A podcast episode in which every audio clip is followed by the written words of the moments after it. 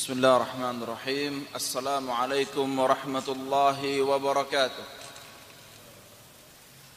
إن الحمد لله نحمده ونستعينه ونستغفره ونتوب إليه ونعوذ بالله من شرور أنفسنا وسيئات أعمالنا من يهده الله فلا مضل له ومن يضلل فلا هادي له أشهد أن لا إله إلا الله وحده لا شريك له وأشهد أن محمدا عبده ورسوله وبعد اللهم فقهنا في الدين وعلمنا التأويل وارزق لنا فهم العلماء الربانيين يا أرحم الراحمين معاشر المسلمين والمسلمات Pertemuan kita saat ini membahas tentang kitab Bulughul Maram Babun Najasah wa Izalatuha Bab tentang apa itu najis dan bagaimana cara e, menghilangkannya. Kemudian sampailah kita di hadis yang terakhir dalam bab ini, hadis yang ketujuh. Diriwayatkan dari sahabat yang mulia Abu Hurairah radhiyallahu anhu qal qalat khawlah ya rasul ya rasulullah fa in lam yadhhab ad-dam fa in lam yadhhab ad-dam قال يكفيك الماء ولا يضرك ولا قال يكفيك الماء ولا يضرك أثره. أخرجه الترمذي وسنده ضعيف. نعم.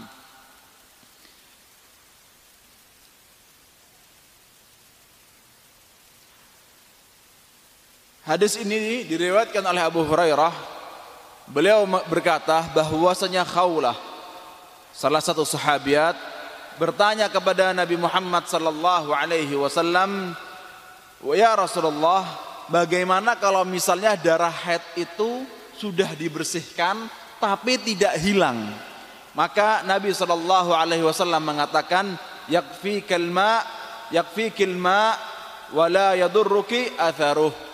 Cukup yang penting dicuci meskipun bekasnya masih ada, maka bajunya tetap suci. Maka dari sini pembahasan ulama secara detail dalam kitab Umdatus Salik wa Uddatun Nasik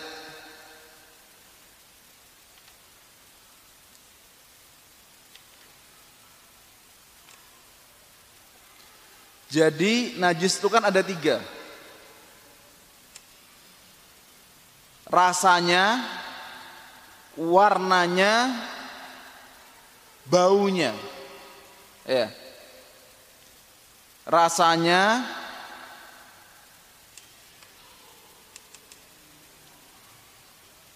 Mana pembahasannya ini?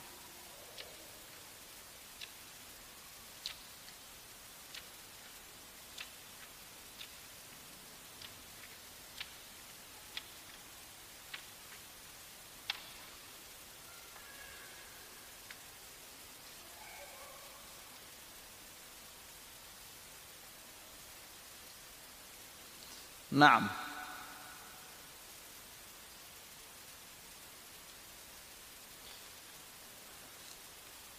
Para ulama menjelaskan wa in kana lahu ain. Kalau misalnya najis itu ada bentuknya, ada warnanya, ya, ada yang jelas ada bentuknya najis itu. Wajib izalatu ta'im wa in asur. Harus dihilangkan apa yang wajib rasanya. Rasanya darah hilang. Kemudian walaunin warihin insahula dan juga warnanya dan baunya kalau bisa dihilangkan. Fa in apabila tidak bisa dihilangkan izalatur rihi wahdahu awil lay awil launi wahdahu lam yadurra baqa'uhu. Ada tiga. Rasa bau warna. Yang rasa ini wajib hilang. Sedangkan yang bau sama warna itu hendaknya juga dihilangkan. Ya tapi kalau misalnya salah satu dari e, bau dan warna ini tidak hilang, contoh yang hilang itu rasanya rasanya najis hilang. Ya. Sama baunya hilang. Tapi sisa warnanya. Maka ini suci. Ya. Contoh kedua, rasanya sudah hilang, dicuci rasanya hilang. Warnanya juga habis dicuci hilang. Tapi baunya masih ada. Ini suci.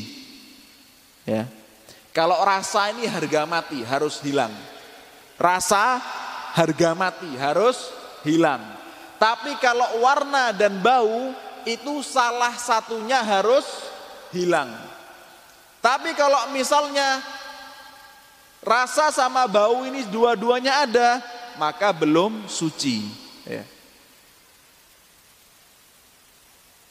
Misalnya darah haid rasanya diperiksa dengan rasanya darah sudah tidak ada rasanya. Ya, bagus. Tapi bau sama warnanya masih ada. Bajunya suci atau najis? Najis ya Syekh. Najis. Ah, tidak boleh berkumpul. Ya. Perhatikan. Baju kena baju warna putih kena air kencing. Ya. Dicuci air rasanya hilang, baunya hilang, tapi dia warnanya putih, kelihatan masih kuning, ada warnanya. Suci atau tidak? Suci, ya. Yang hilang sudah dua. Tapi dari dua ini rasa harus hilang. Ya, dari dua ini rasa, salah satunya harus rasa. Kalau misalnya dua, uh, kalau misalnya salah satu hilang, tinggal dua.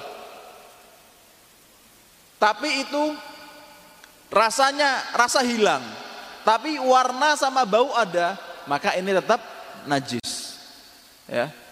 Ya jemaah. Baju kena air kencing.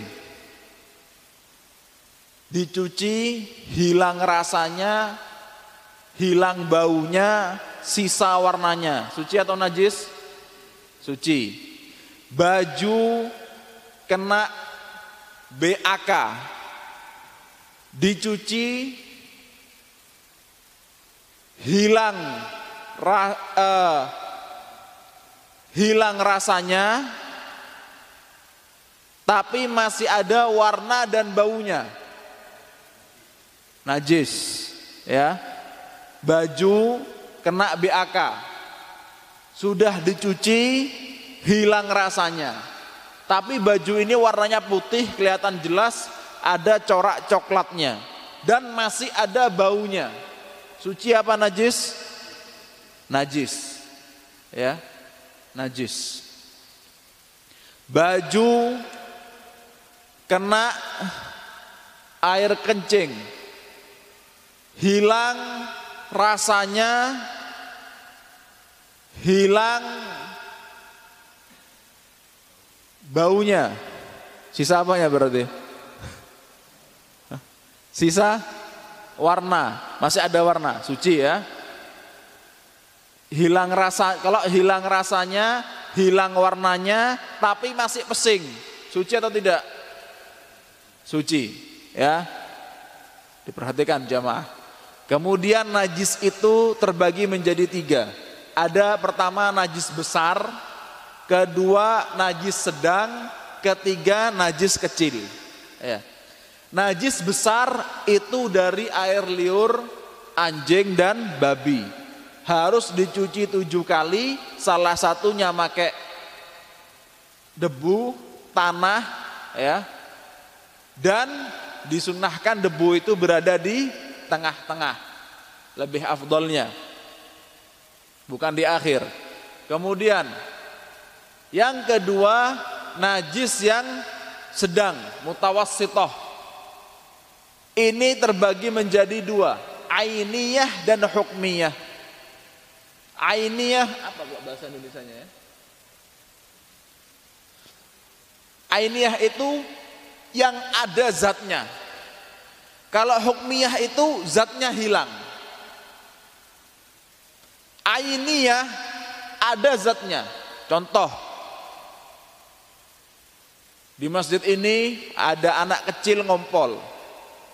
Ada air kencingnya, tidak pakai pampers, ya. Ada air kencingnya.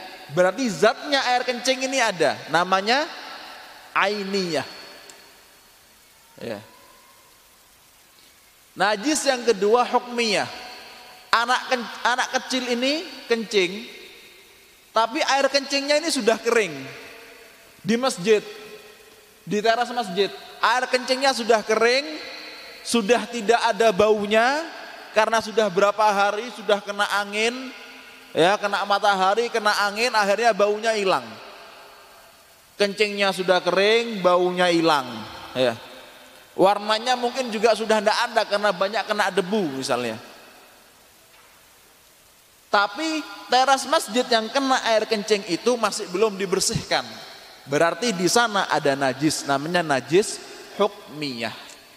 Kalau najis hukmiyah yang tidak ada zatnya, maka cukup dibersihkan satu kali. Tapi kalau misalnya najis ainiyah, antum mendapati kotoran di masjid, ada kotoran kucing misalnya ya kita sebutkan kemarin bahwa jumhur ulama empat madhab Abu Dawud Al-Zahiri Syekhul Islam Ibn Taimiyah mengatakan kotoran kucing najis. Ya.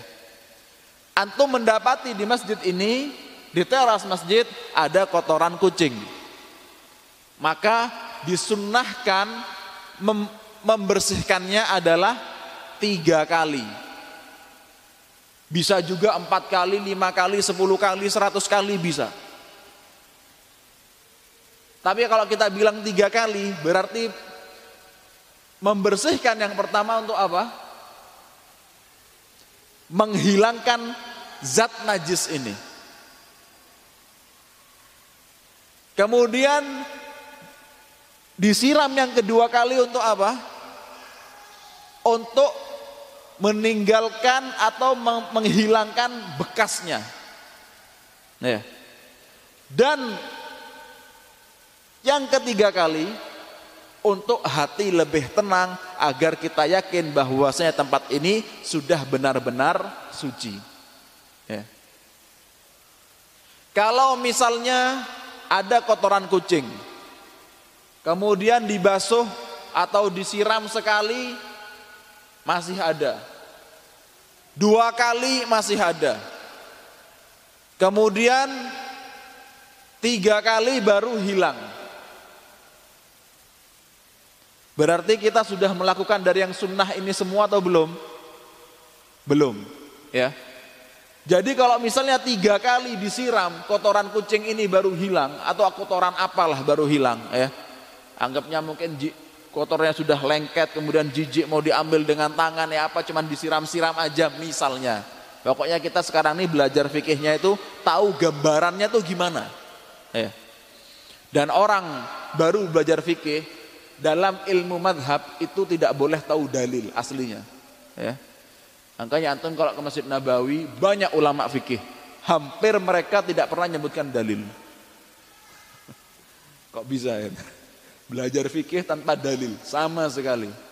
Ada namanya Syekh Amir Bahjat. Cepat kalau belajar, kalau ngajar itu cepat. Anak duduk di majelis beliau berkali-kali, hampir tidak pernah dengarkan satu dalil pun, hampir tidak pernah. Di Masjid Nabawi tempatnya dalil. Ulama yang ngajar, ya. Tapi yang dibahas apa? Gambaran-gambaran fikihnya itu. Nanti kalau gambaran-gambaran fikihnya sudah jelas, atau ngerti, baru setelah itu belajar dalil. Ya.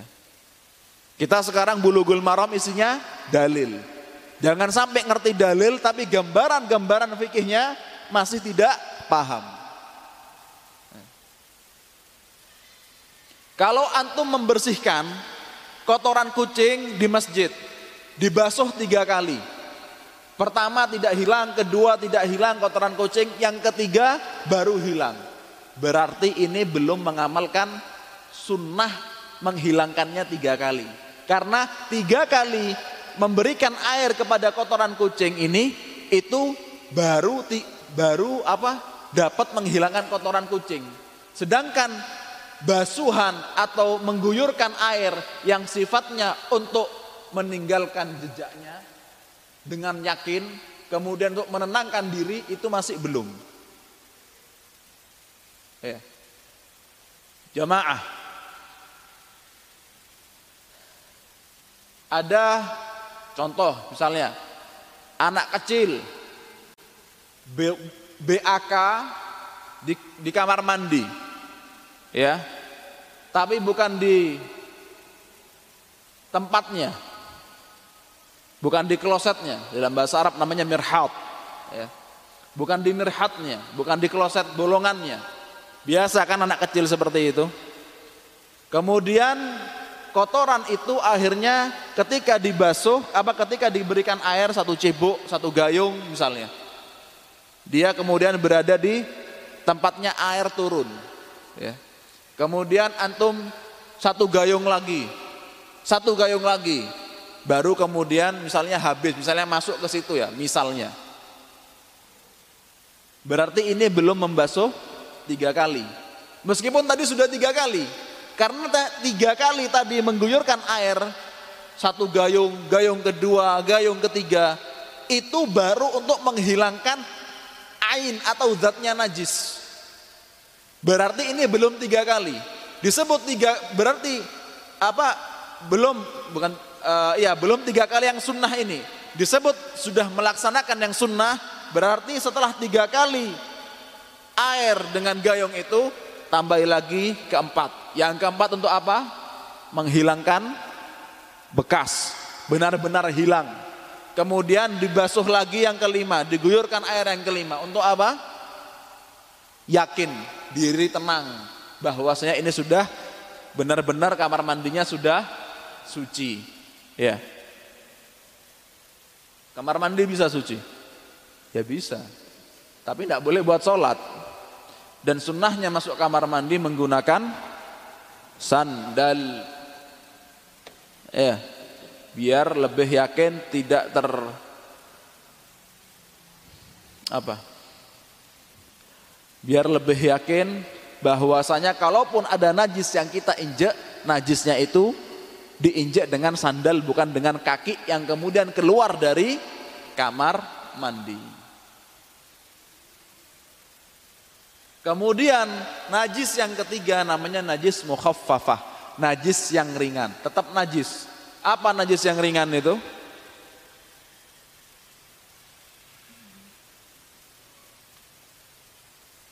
Najis yang ringan seperti air kencingnya anak kecil laki yang asupan gizinya cuman ASI. Bukan apa Mizaki? Anak kecil yang minum. Anak kecil laki yang air kencingnya najisnya ringan Syaratnya hanya minum ASI bukan minum apa? Antum bilang apa? Formula ya. Bukan susu formula. Kalau minum ASI tapi juga makan kurma, kadang makan wafer dikasih mari. Ya. Najis najisnya jadi najis berat atau najis ringan anak kecil ini? Najis ringan. Selama makanan pokoknya masih ASI.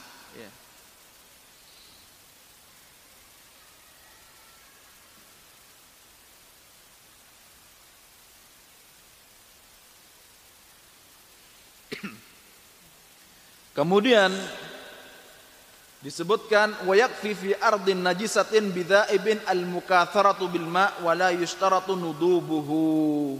Nah, ketika yang najis itu ada di uh, tanah ya. Ada kencing di tanah ya najis kemudian seperti di zaman Nabi Muhammad SAW ketika ada orang badui kencing di masjid kemudian air kencingnya itu diperintahkan untuk apa? Diberikan satu ember air ya dituangkan satu ember air. Pembahasannya ketika air kencing di tanah itu diberikan satu ember air kemudian masih basah. Antum sholat di sana sah atau tidak sholatnya masih basah Hah? kalau kata Imam Syafi'i dalam hal ini tanah itu kan menyerap ya. jadi yang ada di permukaannya itu sudah yang suci bukan yang najis ya. jadi sudah suci untuk dipakai sholat ya. meskipun masih basah والله أعلم بالصواب.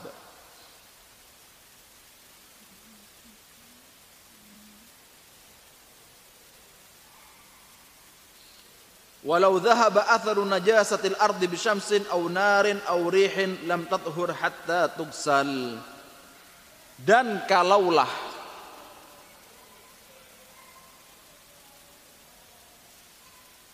uh, najis dan bekasnya najis itu sudah hilang.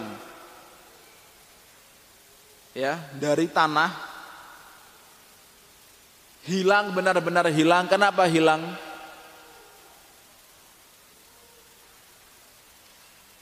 kena sinar matahari, ya, kena angin, kena debu terus yang misalnya orang buang air kecil di pantai, ya. Mungkin berapa lama itu pesingnya? Intinya tidak lama. Ya. Setelah sudah tidak pesing, tidak kering, di pantai panas, kena kena matahari terus, kena angin yang kencang, ya. Kemudian setelah sudah hilang, apakah ini najis atau tidak?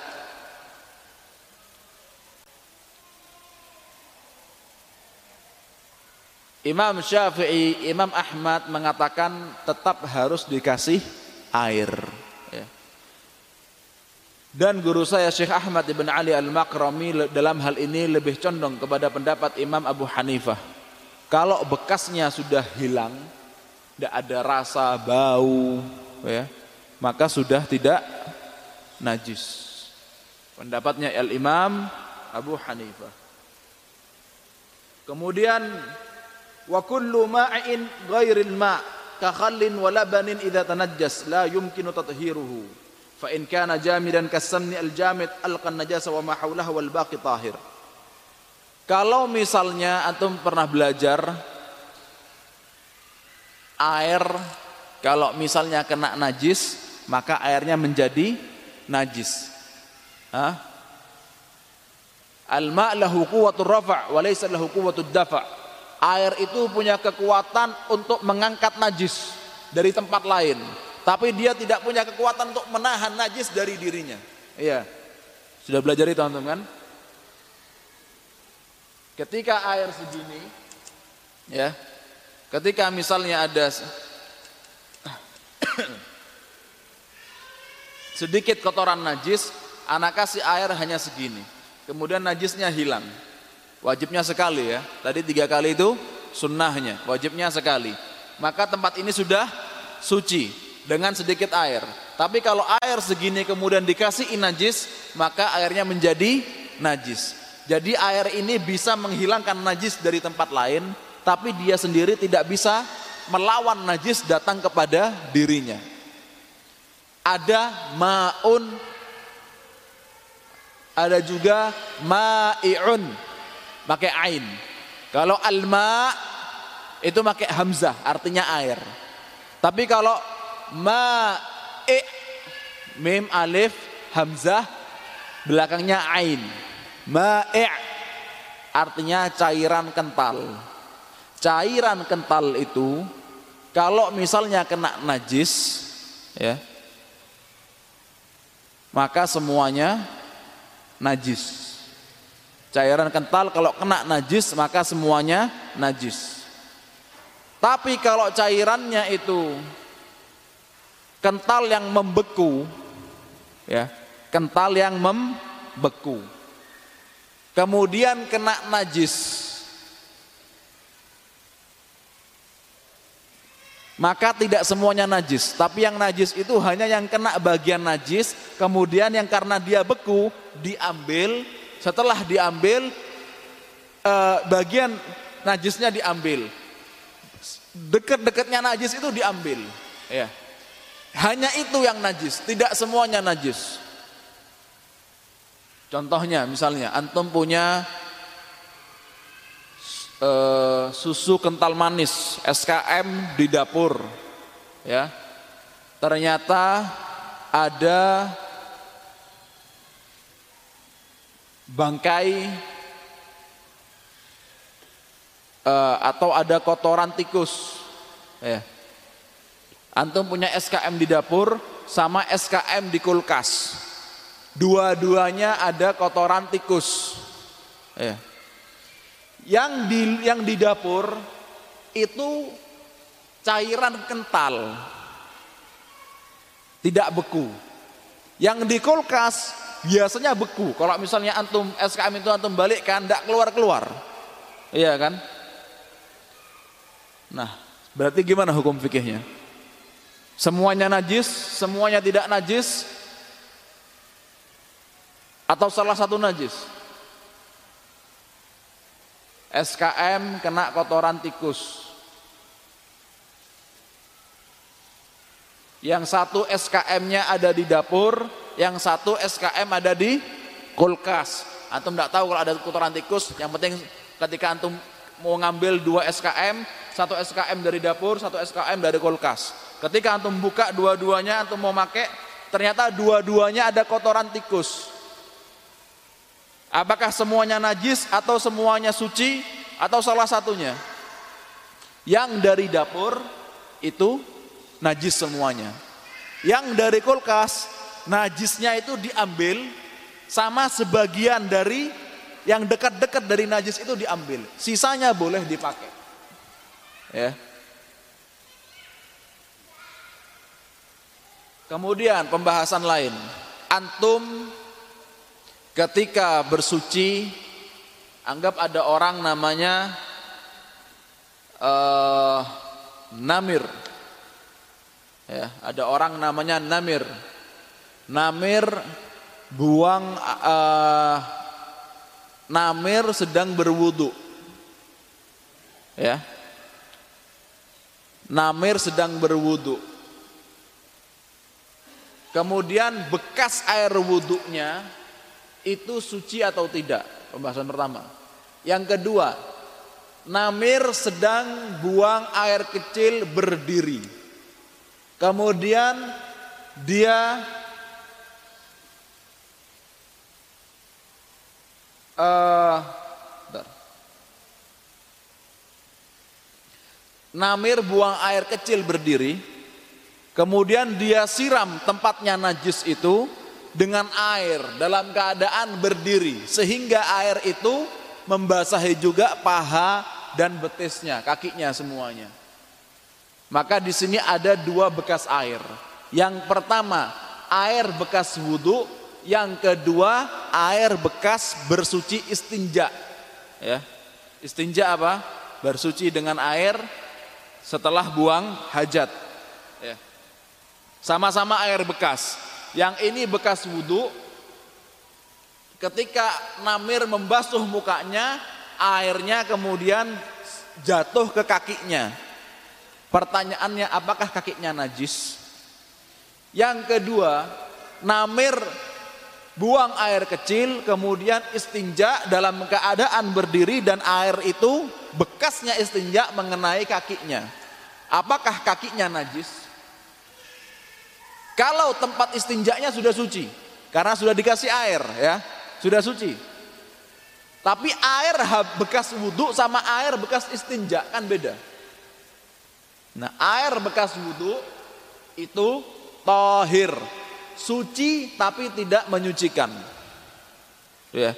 Tapi kalau air bekasnya yang najis, maka air itu menjadi najis. Ya. air bekas najis menjadi najis. Maka ketika namir buang air kecil berdiri kemudian menyiram tempatnya e, najis, kemudian air itu turun ke kakinya, maka kakinya semuanya menjadi najis. Ya. Dan dia harus membasuh seluruh kakinya. Paham ya? Ini hal-hal yang berkaitan dengan najis dan juga bagaimana cara meng menyucikannya.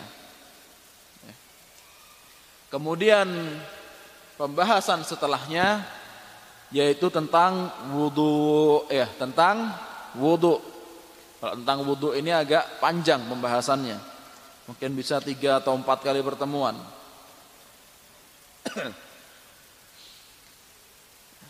Selama ini kita semuanya sudah bisa wudhu. Tapi Alhamdulillah kita mau belajar dan tahu fikih wudhu lebih detail. Ya. Karena antum orang-orang yang sudah biasa ngaji. Ya. Kalau misalnya tidak biasa ngaji mungkin belajar wudhu. Sini saya praktek antum lihat selesai sudah. Kayak gini kalau wudhu jangan yang lain. Ya. Ini antum biar tahu lebih detail tentang wudhu. Dan nanti anda sampaikan juga khilaf-khilaf yang mu'tabar khilaf yang masyhur antara golongan-golongan di Indonesia ya. Kalau khilaf yang tidak masyhur juga banyak aslinya. Cuman cukup kita sampaikan khilaf yang masyhur. Babul wudu. Hadis yang pertama diriwayatkan oleh Al-Imam Abu Hurairah radhiyallahu anhu. An Rasulullah sallallahu alaihi wasallam annahu qala laula an ashqa ala ummati la amartuhum bis-siwak ma'a kulli wudu akhrajahu Malik wa Ahmad wa Nasa'i wa Sahahu Ibn Khuzaimah wa dzakarahu al-Bukhari ta'liqan Hadis ini diriwayatkan oleh Al-Imam Abu Abu Hurairah radhiyallahu anhu, As-Sahabiyul Jalil radhiyallahu anhu. Dari Rasulullah sallallahu alaihi wasallam bahwasanya Nabi bersabda, "Kalaulah aku tidak menjadikan siwa ini hal yang susah kepada umatku maka sungguh akan aku wajibkan kepada mereka siwa di setiap kali berwudu wudu minimal lima kali. Kalau antum mau salat duha wudu lagi. Mau tahiyatul masjid ketika sebelum jumatan wudu yang penting setiap kali antum mau sholat pasti wudu berarti minimalnya lima kali maksimalnya sebanyak kali antum wudu Ya. Tapi kata Nabi Muhammad sallallahu alaihi wasallam, kalaulah aku tidak menyusahkan kepada umatku. Ya. Maka dari hadis ini bisa kita pahami bahwasanya membersihkan gigi itu hukumnya sunnah. Kemudian lebih disunnahkan lagi kalau menggunakan siwak. Ya. Tapi menggunakan siwak dalam hadis disebutkan Rasulullah itu sampai kayak mau muntah. Ya. Makanya antum kalau pakai siwak itu gusinya juga dibersihkan, lidahnya, langit-langitnya juga dibersihkan. Kalau pakai siwak yang dibersihkan cuman gigi yang depan-depan aja, belakangnya janda, apalagi gusinya, apalagi lidah sama langit-langitnya, akhirnya mengamalkan sunnah tapi mulutnya bau.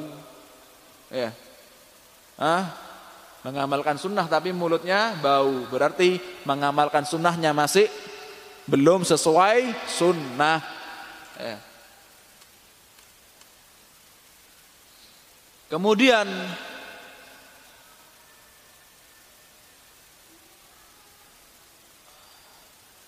ketika seseorang membersihkan gigi dengan sikat gigi telah mengamalkan sunnah. Dan lebih disunnahkan lagi kalau misalnya menggunakan siwa. Menggunakan siwa ya. Dan siwa itu jamaah siwa yang paling bagus ya. Yang ana tahu itu kalau antum ke Mekah Madinah antum beli siwa di terasnya Masjid Nabawi Masjidil Haram yang di apa keluar dari teras itu banyak orang jualan siwa ya. Antum kalau mau siwak yang bagus, jangan beli yang sudah bungkusan. Kalau di sini ya tidak mungkin harus beli bungkusan. Ya. Juga jangan beli yang kadang ada di buntel segini, 5 real, murah banyak. Eh, buat oleh-oleh sukanya yang murah-murah, sunnah murah. Eh. Eh. Tapi ada yang panjang-panjang, setengah meter, satu meter siwaknya. Itu kalau antum beli semua mungkin 20 real harganya. Antum bilang beli 5 real, dikasih mungkin 20 senti. Itu siwaknya pedes, terus basahnya benar-benar basah.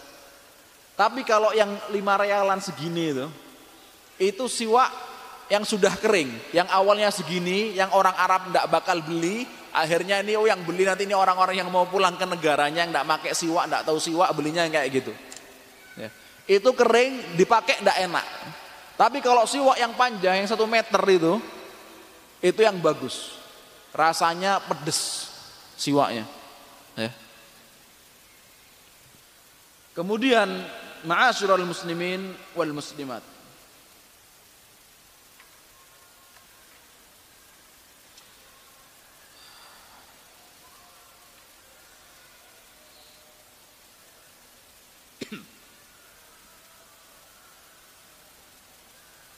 Kata Syekh Abdul Qadir Syaibatul Hamad, dari hadis ini dipahami bahwasanya siwak hukumnya tidak wajib. Yang kedua bahwasanya siwak itu tidak jadi wajib karena untuk tidak menyusahkan umat Muhammad sallallahu alaihi wasallam. Yang ketiga adalah untuk uh, yang uh, yang ketiga hukumnya adalah sunnah. Kemudian yang keempat bahwasanya waktu lebih disunnahkannya ketika setiap kali berwudu ya. Ma'asyiral muslimin wal muslimat. Kalau kita mau mau mencontoh orang-orang yang giginya bersih-bersih, orang mana? Orang Afrika.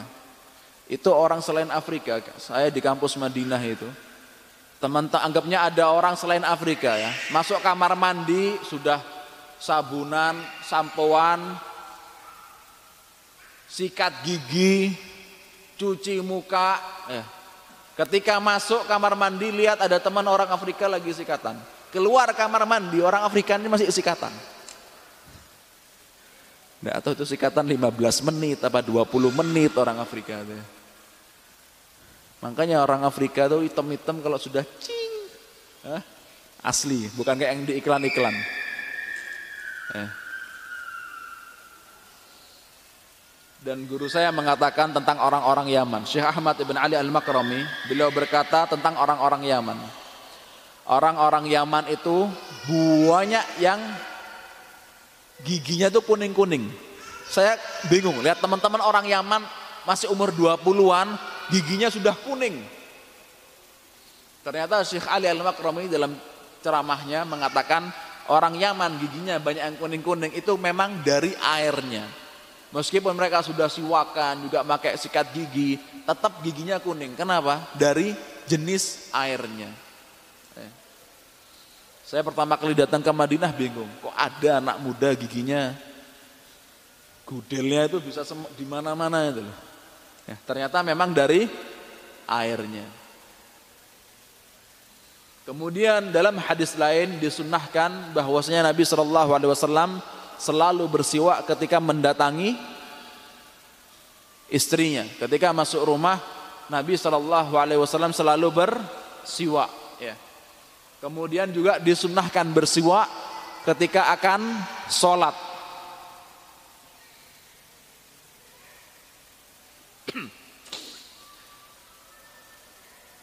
Di Arab Saudi dulu akhlaknya mereka di zaman Rasulullah biasa untuk bersiwak ketika mau sholat. Ya. Tapi di Indonesia terkadang karena sudah kebiasaan sikat gigi itu di kamar mandi terus kok siwakan di masjid, kadang orang lain itu jijik. Ya. Maka solusinya adalah antum kalau mau siwakan berarti siwakan ketika mau sholat masih ada di rumah atau ada di tempat wudhu. Eh. Adapun ini sifatnya sebagai uh, akhlak sesama. Eh. Wallahu a'lam bissawab. Nah. Kita salat Isya dulu. Subhanakallahumma bihamdika asyhadu an la ilaha illa anta astaghfiruka wa atubu ilaik. Assalamualaikum warahmatullahi wabarakatuh.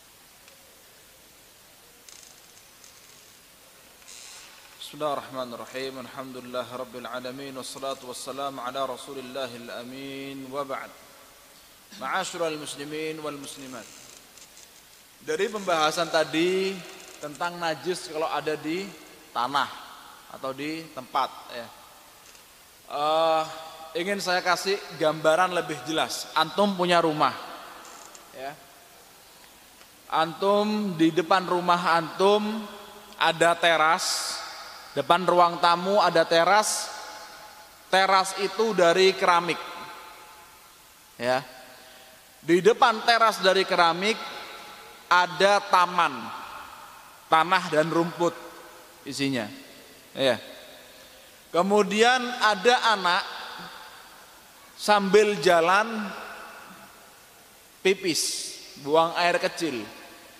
Di teras yang bawahnya itu keramik dan dia jalan.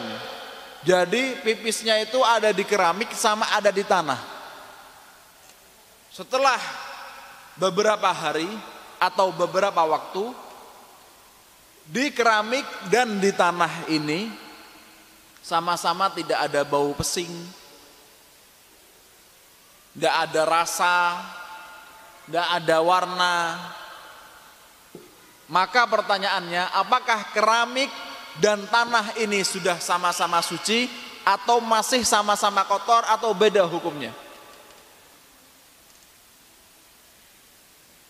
Jawabannya beda hukumnya. Ya. Kalau yang di keramik maka dia hukumnya adalah najis mutawasid pertengahan hukmiyah ya hukmi najis najasun hukmi ya. Tidak terlihat tidak terasa tapi dia harus dibersihkan ya. Dengan sekali sekali diguyurkan air. Tapi kalau yang di tanah di tanah itu tidak najis. Kenapa? Karena tanah sifatnya menyerap Jamaah bisa dipahami ya? Contoh ini bisa dipahami ya? Penting ini. Contoh ini penting ya. ya. Biar tidak salah gambaran hukum fikihnya, biar tidak salah. Anak kecil berjalan di teras dengan keramik dan di taman yang tanah kencing. Kencingnya ada di keramik sama ada di tanah.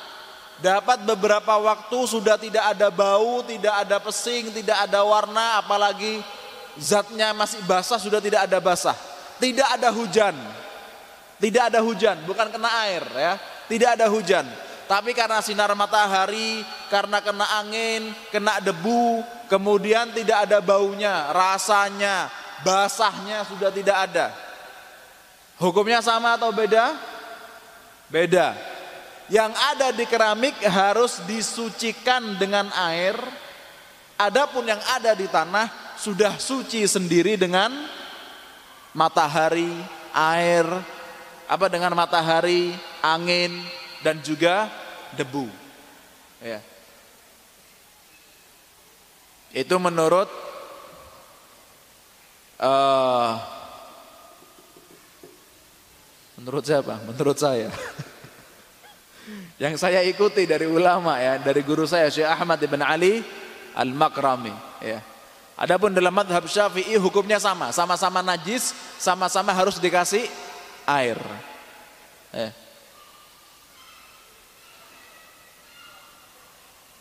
Kemudian hadis yang kedua tentang wudhu adalah hadis yang dibawakan oleh seorang tabi'in bernama Humran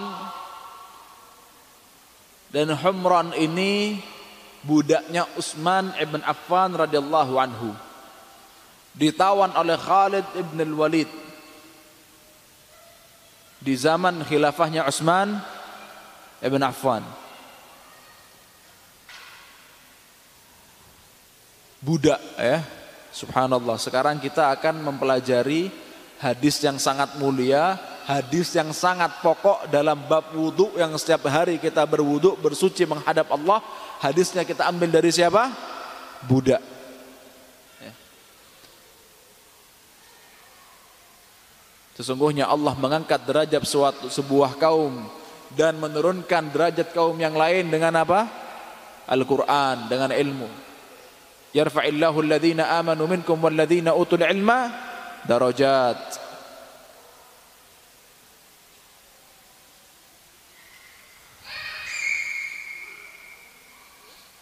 Sampai-sampai katanya Imam Malik tidak ada bedanya budak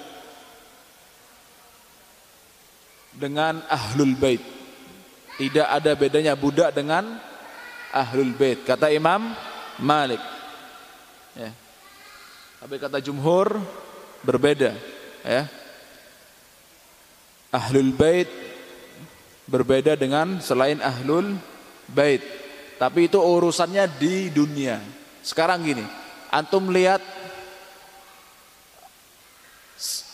urusan duniawi ya, urusan duniawi. Dalam misalnya urusan orang kaya sama orang miskin di mata dunia antum lain atau tidak? Beda kan? Ya. Orang berilmu atau orang bodoh? Di mata dunia antum beda atau tidak? Beda. Memang di dunia itu ada derajat. Dan di antara derajat di dunia adalah derajat nasab. Ya. Derajat nasab. Tapi itu di dunia. Kalau di akhirat dengan rahmat Allah dan ridha Allah Kata Allah, yang penting yang bertakwa yang paling mulia. Inna akramakum indallahi atqakum. Yang paling mulia di akhirat adalah yang paling bertakwa di antara kalian. Itu di akhirat. Kalau di dunia memang orang berbeda-beda derajatnya. Ya. Itu menurut tiga imam madhab. Tapi kalau kata Imam Malik, In akramakum indallahi atqakum. Yang paling mulia adalah yang paling bertakwa itu di dunia dan di akhirat. Tidak ada bedanya ahlul bait dengan budak. Kalau mau menikah silahkan. Tapi kalau katanya tiga imam madhab, memang ahlul bait tidak boleh dinikahi kecuali dengan ahlul bait. Ini fikih bukan perkataan orang bodoh. Ya. Fikih yang berkata Abu Hanifah, Syafi'i dan Ahmad. Maka sebuah kemuliaan apabila ahlul bait adalah seorang yang mentauhidkan Allah Subhanahu wa taala, menjunjung tinggi sunnah-sunnah Nabi Muhammad sallallahu alaihi wasallam, mendakwahkan tauhid dan sunnah, ini adalah sebuah fadilah di nasabnya, fadilah di ilmunya, fadilah di amalannya.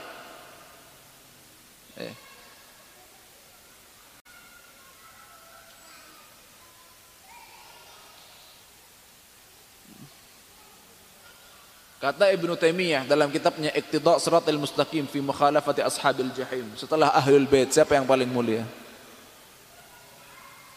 Siapa jemaah? Menurut antum siapa?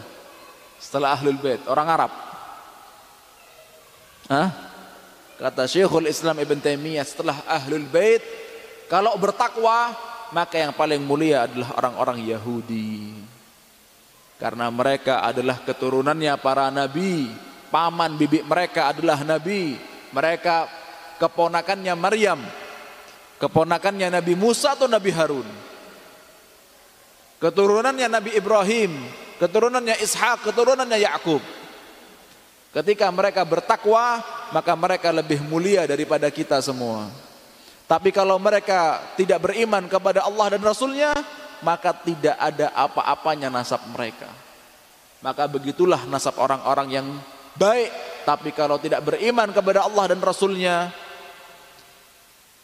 maka tidak ada guna nasabnya man lam man lam yusri' bihi amaluh lam yanfa' bihi nasabuh kalau misalnya uh, kalau orang yang tidak baik amalannya tidak beramal soleh maka tidak bermanfaat baginya nasabnya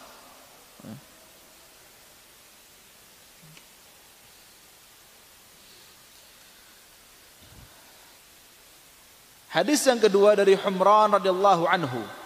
Dari Utsman dia mengatakan anna Utsman da'a biwudu'in faghasala kaffaihi thalatha marrat thumma tamadmada wastanshaqa wastanthar thumma ghasala wajhahu thalatha marrat thumma ghasala yadahu al-yumna ila al-mirfaq thalatha marrat thumma al-yusra مثل ذلك ثم مسح برأسه ثم غسل رجله اليمنى إلى الكعبين ثلاث مرات ثم اليسرى مثل ذلك ثم قال رأيت رسول الله صلى الله عليه وسلم توضأ نحو وضوء هذا dari Humran radhiyallahu anhu bahwasanya Utsman meminta kepadanya atau mem, atau menyuruhnya untuk mengambilkan air wudhu. Kemudian Humran melihat bagaimana wudhunya Utsman bin Affan radhiyallahu anhu. Setelah Utsman bin Affan wudhu dan Humran melihatnya, Utsman bin Affan mengatakan Ra'aitu Rasulullah sallallahu alaihi wasallam, aku melihat Rasulullah sallallahu alaihi wasallam wudu sebagaimana wuduku saat ini wahai Humran. Ya. Bagaimana wudu yang dicontohkan oleh Utsman dari baginda Nabi Muhammad sallallahu alaihi wasallam? Yang pertama, faghasala kaffaihi thalatha marrat. Mencuci kedua telapak tangannya tiga kali. Ya. Mencuci kedua telapak tangannya tiga kali. Mencuci telapak tangan tiga kali ini hukumnya sunnah pembahasan tentang telapak tangan di antaranya membasuh telapak tangan ketika mau wudhu hukumnya sunnah tapi kalau bangun tidur kata Imam Syafi'i hukumnya wajib. Kenapa? Fa innahu la yadri aina batat yaduh. Karena dia tidak tahu di mana tangan itu bermalam. Mungkin di tempat yang najis. Ya, maka wajib hukumnya untuk mencuci tangannya kalau bangun tidur. Ya. Kemudian pembahasan tentang mencuci kedua telapak tangan. Terkadang seseorang sudah mencuci telapak tangan, ya. Setelah itu wudhu, membasuh tangannya. Ketika membasuh tangan, airnya ngelocor banyak. Us di sini, ya. Tapi telapak tangannya tidak dicuci. Tidak sah. Tidak sah. Jangan dikira telapak tangan sudah basah, kemudian ketika habis membasuh muka ketika membasuh ketika mencuci tangan telapak tangannya karena sudah basah tidak ikut dikenakan air. Tidak sah.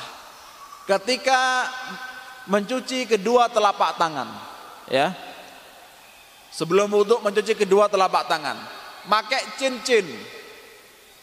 Cincinnya digerakkan bagus berarti tempatnya cincin pasti kena air Kemudian mencuci mukanya, terus mencuci tangannya.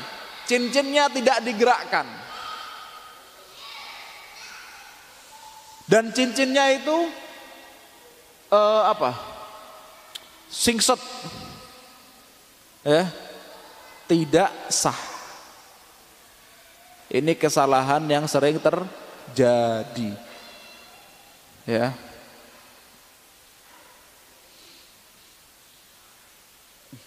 Makanya kalau pakai cincin usahakan jangan pakai yang terlalu singset ya, rapat ya.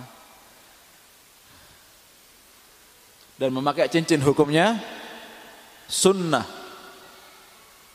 Dulu saya di pesantren dari SMP pakai cincin. Terakhir lulus SMA dibilangi sama ibu-ibu, kau kalau pakai cincin dikira sudah nikah, tidak ada yang mau nawari. Nyari sendiri kau udah punya teman perempuan. Gitu. Hah? Akhirnya saya lepas biar ada yang nawari.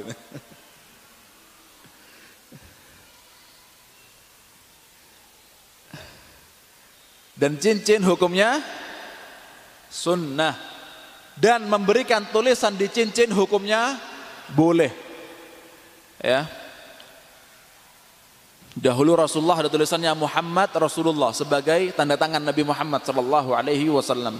Dan haram hukumnya memiliki cincin dengan ada tulisan Muhammad Rasulullah. Dan ulama khilaf kapan itu haramnya, ketika zaman Nabi atau setelah zaman Nabi. Yang lebih rajih wallahu a'lam adalah di zaman Nabi haram, setelah zaman Nabi boleh.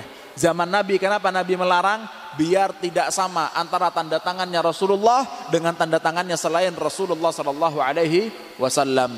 Ya. Adapun setelah zaman Nabi antum punya cincin dikasih tulisan Muhammad Rasulullah, hukumnya mubah, jaiz, boleh.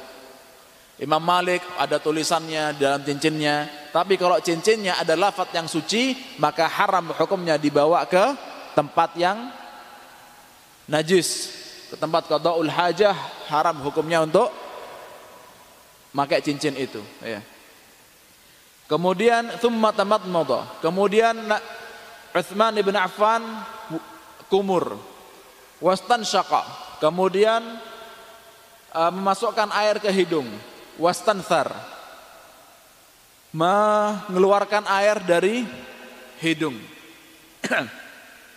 sama-sama kuat pendapatnya hidung sama mulut ini ketika dimasukkan air itu barengan atau mulut dulu atau hidung dulu itu sama-sama pendapatnya kuat ya silahkan dilakukan silahkan dilakukan salah satunya nah, boleh mulut sama hidung digabung boleh juga dipisah mulut dulu baru hidung kemudian ya.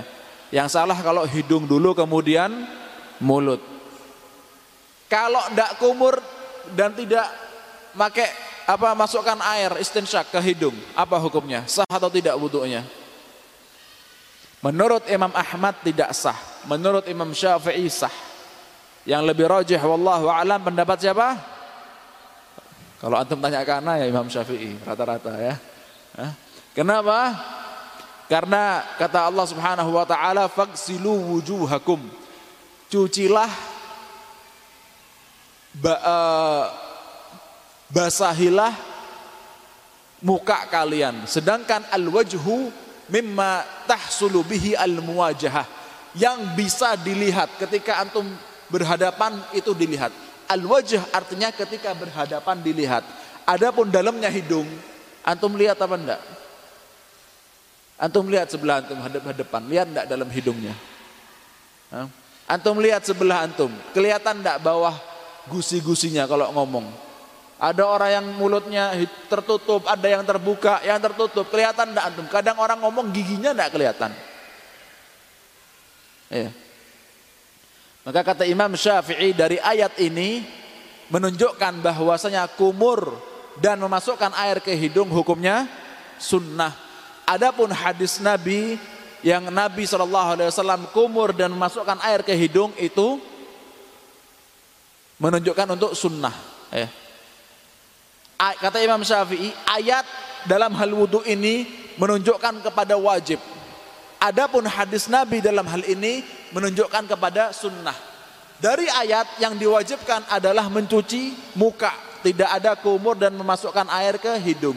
Dari hadis menunjukkan bahwasanya untuk memasukkan air ke mulut dan hidung. Ayat menunjukkan yang wajib, hadis ini menunjukkan yang sunnah. Ya. Adapun kata Al Imam Ahmad bin Hambal hadis ini maksudnya adalah wajib. Ya. Kata Imam Syafi'i mubayyin di sunnah, kata Imam Ahmad mubayyin lil wujub. Kalau dicari gimana tidak bakal ketemu ya. ya. Kecuali sudah derajat mustahid mustahid imam ya. Saya pernah ke suatu tempat ya, pesantren subhanallah. Jorok tempat wudhunya itu airnya kecil.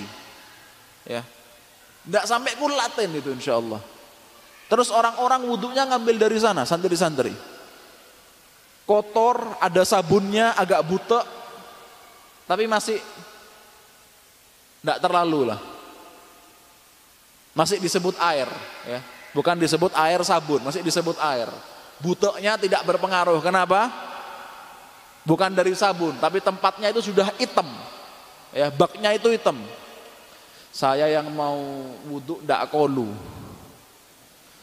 Aduh, ini apa kayak gini? Akhirnya saya ingat pendapatnya Imam Syafi'i kumur sama istinsyak hukumnya sunnah. Ada ketika itu saya tidak kumur, tidak masukkan air ke hidung, langsung wudhu. Biasanya sunnahnya tiga kali, cukup yang wajib sekali. Eh.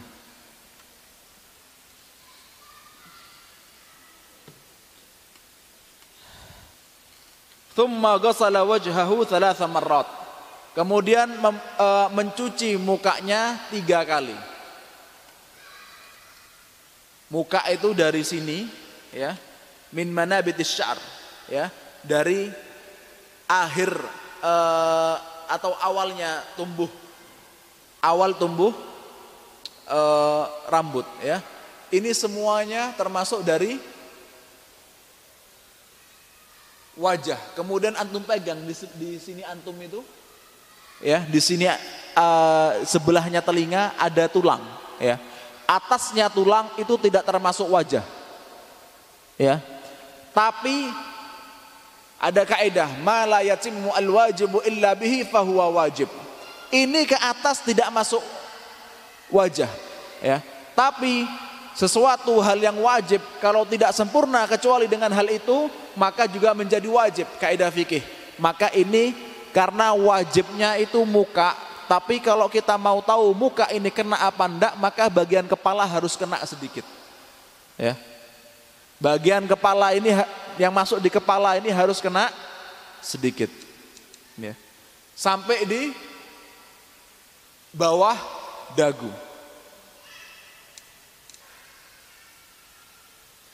Kemudian ya jamaah perhatikan.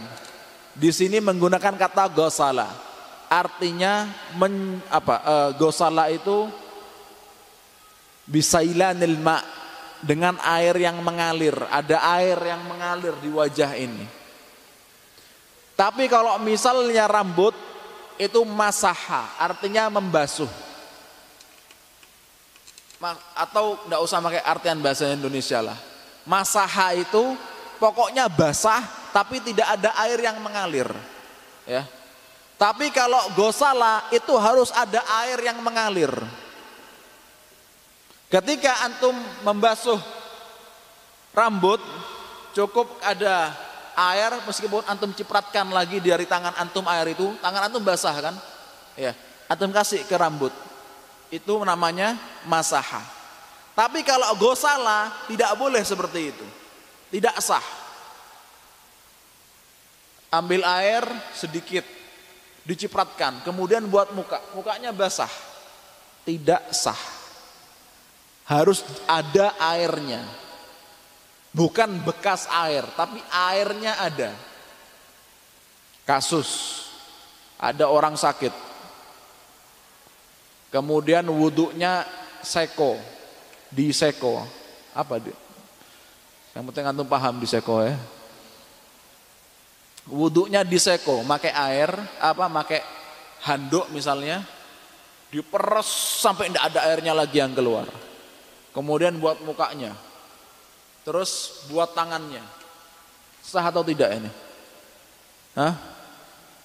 Ini namanya masaha, bukan gosala. Ya. Kalau memang tidak mampu pakai air, maka tayamum bukan diseko. Kecuali kalau diseko tapi ada airnya. Ya. Habis diseko tangannya diseko, terus kalau diginikan tuh ada air yang keluar. Ya. Itu sah. Tapi kalau tidak ada airnya sama sekali, cuman basah sangat minim basahnya, ini tidak sah. Ya, perlu diperhatikan jamaah. Mungkin sampai sini dulu. Wallahu a'lam bisawab. Selanjutnya kalau ada pertanyaan silahkan.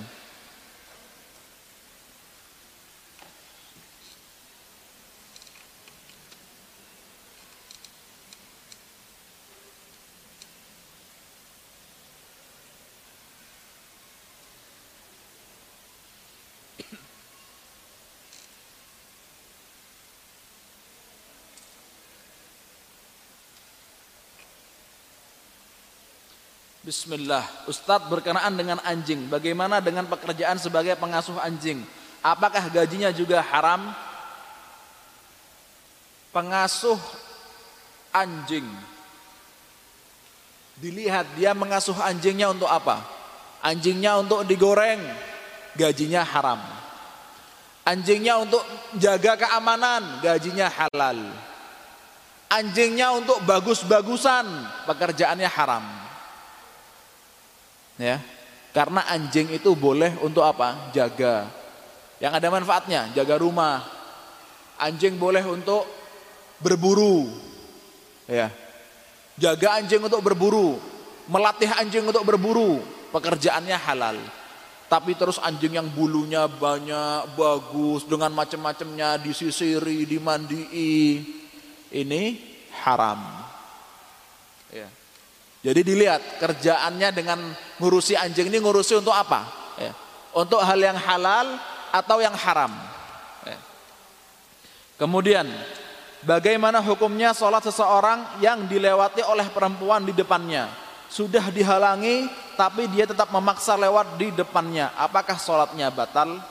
Menurut Imam Syafi'i tidak batal. Menurut Imam Ahmad batal. Makanya kata orang kalau dalam uh, kata ulama uh, baiknya tahu madhab-madhab itu terkadang ketika kita dalam keadaan sempit kita bisa make beberapa madhab dalam sebuah ibadah. Ya. Contohnya ketika di Mekah, di Madinah, ya. mungkin orang-orang non syafi'iyah mengejek syafi'iyah. Wah itu nggak ada yang sah itu. Tawafnya nggak ada yang sah. Apalagi kalau haji. Antum kalau haji kemudian tawaf ketika tanggal 10, 11 Dhul Hijjah itu mau doa gini aja nggak bisa. Jalan tuh kayak gini. Mau doa kayak gini nggak bisa.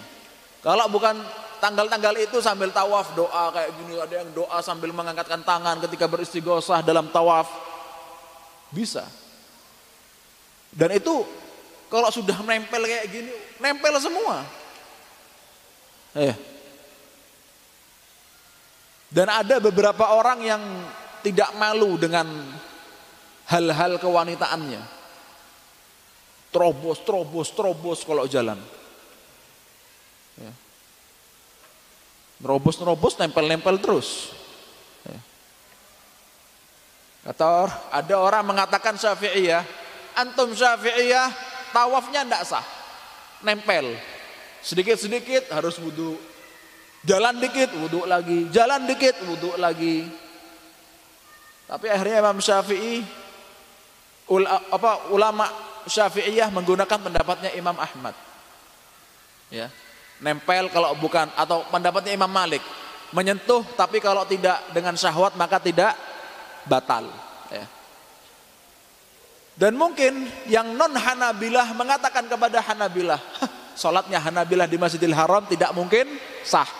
Lagi sholat orang laki, perempuan lewat depannya. Iya enggak? Hah?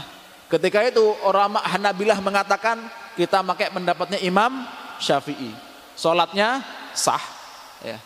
Nah inilah hikmahnya tahu beberapa madhab Apalagi kalau sudah dalam keadaan haji itu harus ngerti fikih madhab.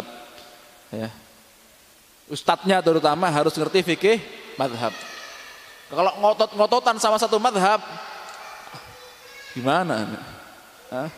Yang syafi'i tawafnya ndak sah, yang hanabilah sholatnya ndak sah. Eh. Wallahu a'lam bisawab. Dan yang lebih tepat wallahu a'lam uh, hadis itu tidak dipakai oleh Al-Imam Syafi'i bahwasanya wanita kalau misalnya lewat kemudian membatalkan sholat ya Nah, ada pertanyaan lain? Waalaikumsalam warahmatullahi wabarakatuh.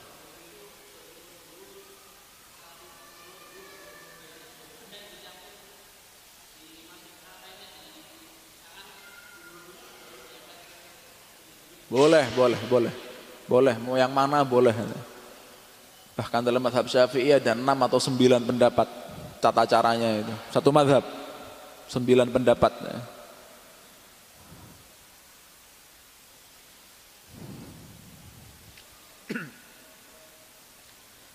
Pertanyaan lain.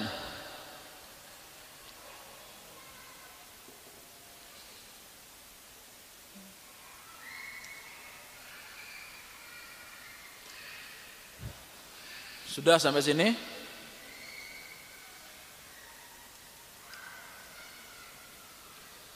Uh, kemudian ada hal yang ingin saya tambahkan. Tadi saya sampaikan tentang akhlak yang berkaitan dengan di zaman Rasul dan di zaman kita tentang siwak. Ya. Kalau siwak di zaman Rasul sambil sholat di sebelahnya sampai sekarang di Masjidil Haram siwakan di masjid biasa. Tapi kalau di sini mungkin banyak yang risih. Ya di Indonesia mungkin banyak yang risih.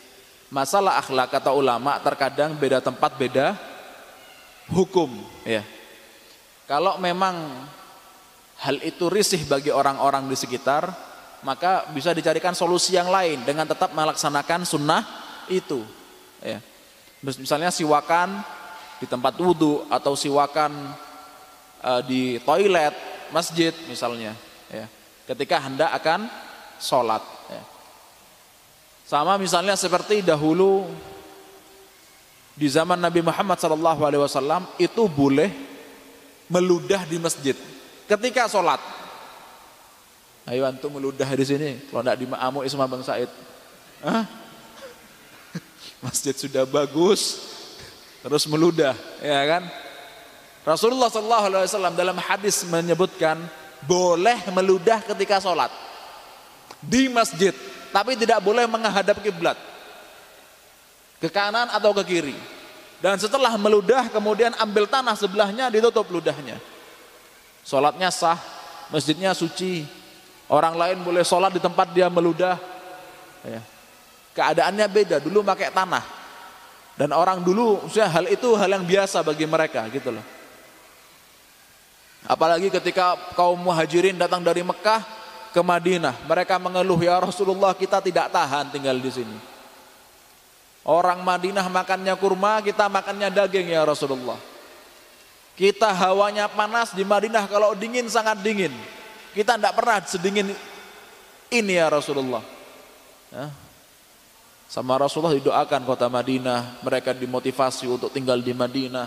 Barang siapa yang tinggal di Madinah, ridho dengan kota Madinah, meninggal di kota Madinah, pasti apa aku berikan syafaat baginya? Ya. sahabat datang ke Madinah dari kota Mekah flu. Eh. biasa sholat di Mekah tidak flu datang ke Madinah sahabat muhajirin flu. Kata Nabi tidak apa-apa meludah. Ke sebelah kanan atau sebelah kiri. Ya. terkadang hal itu berbeda. Wallahu a'lam bisawab. Kita tutup dengan doa kafaratul majlis. Subhanakallahumma bihamdik asyhadu an la ilaha illa anta astaghfiruka wa atubu ilaik. Thumma assalamu alaikum warahmatullahi wabarakatuh.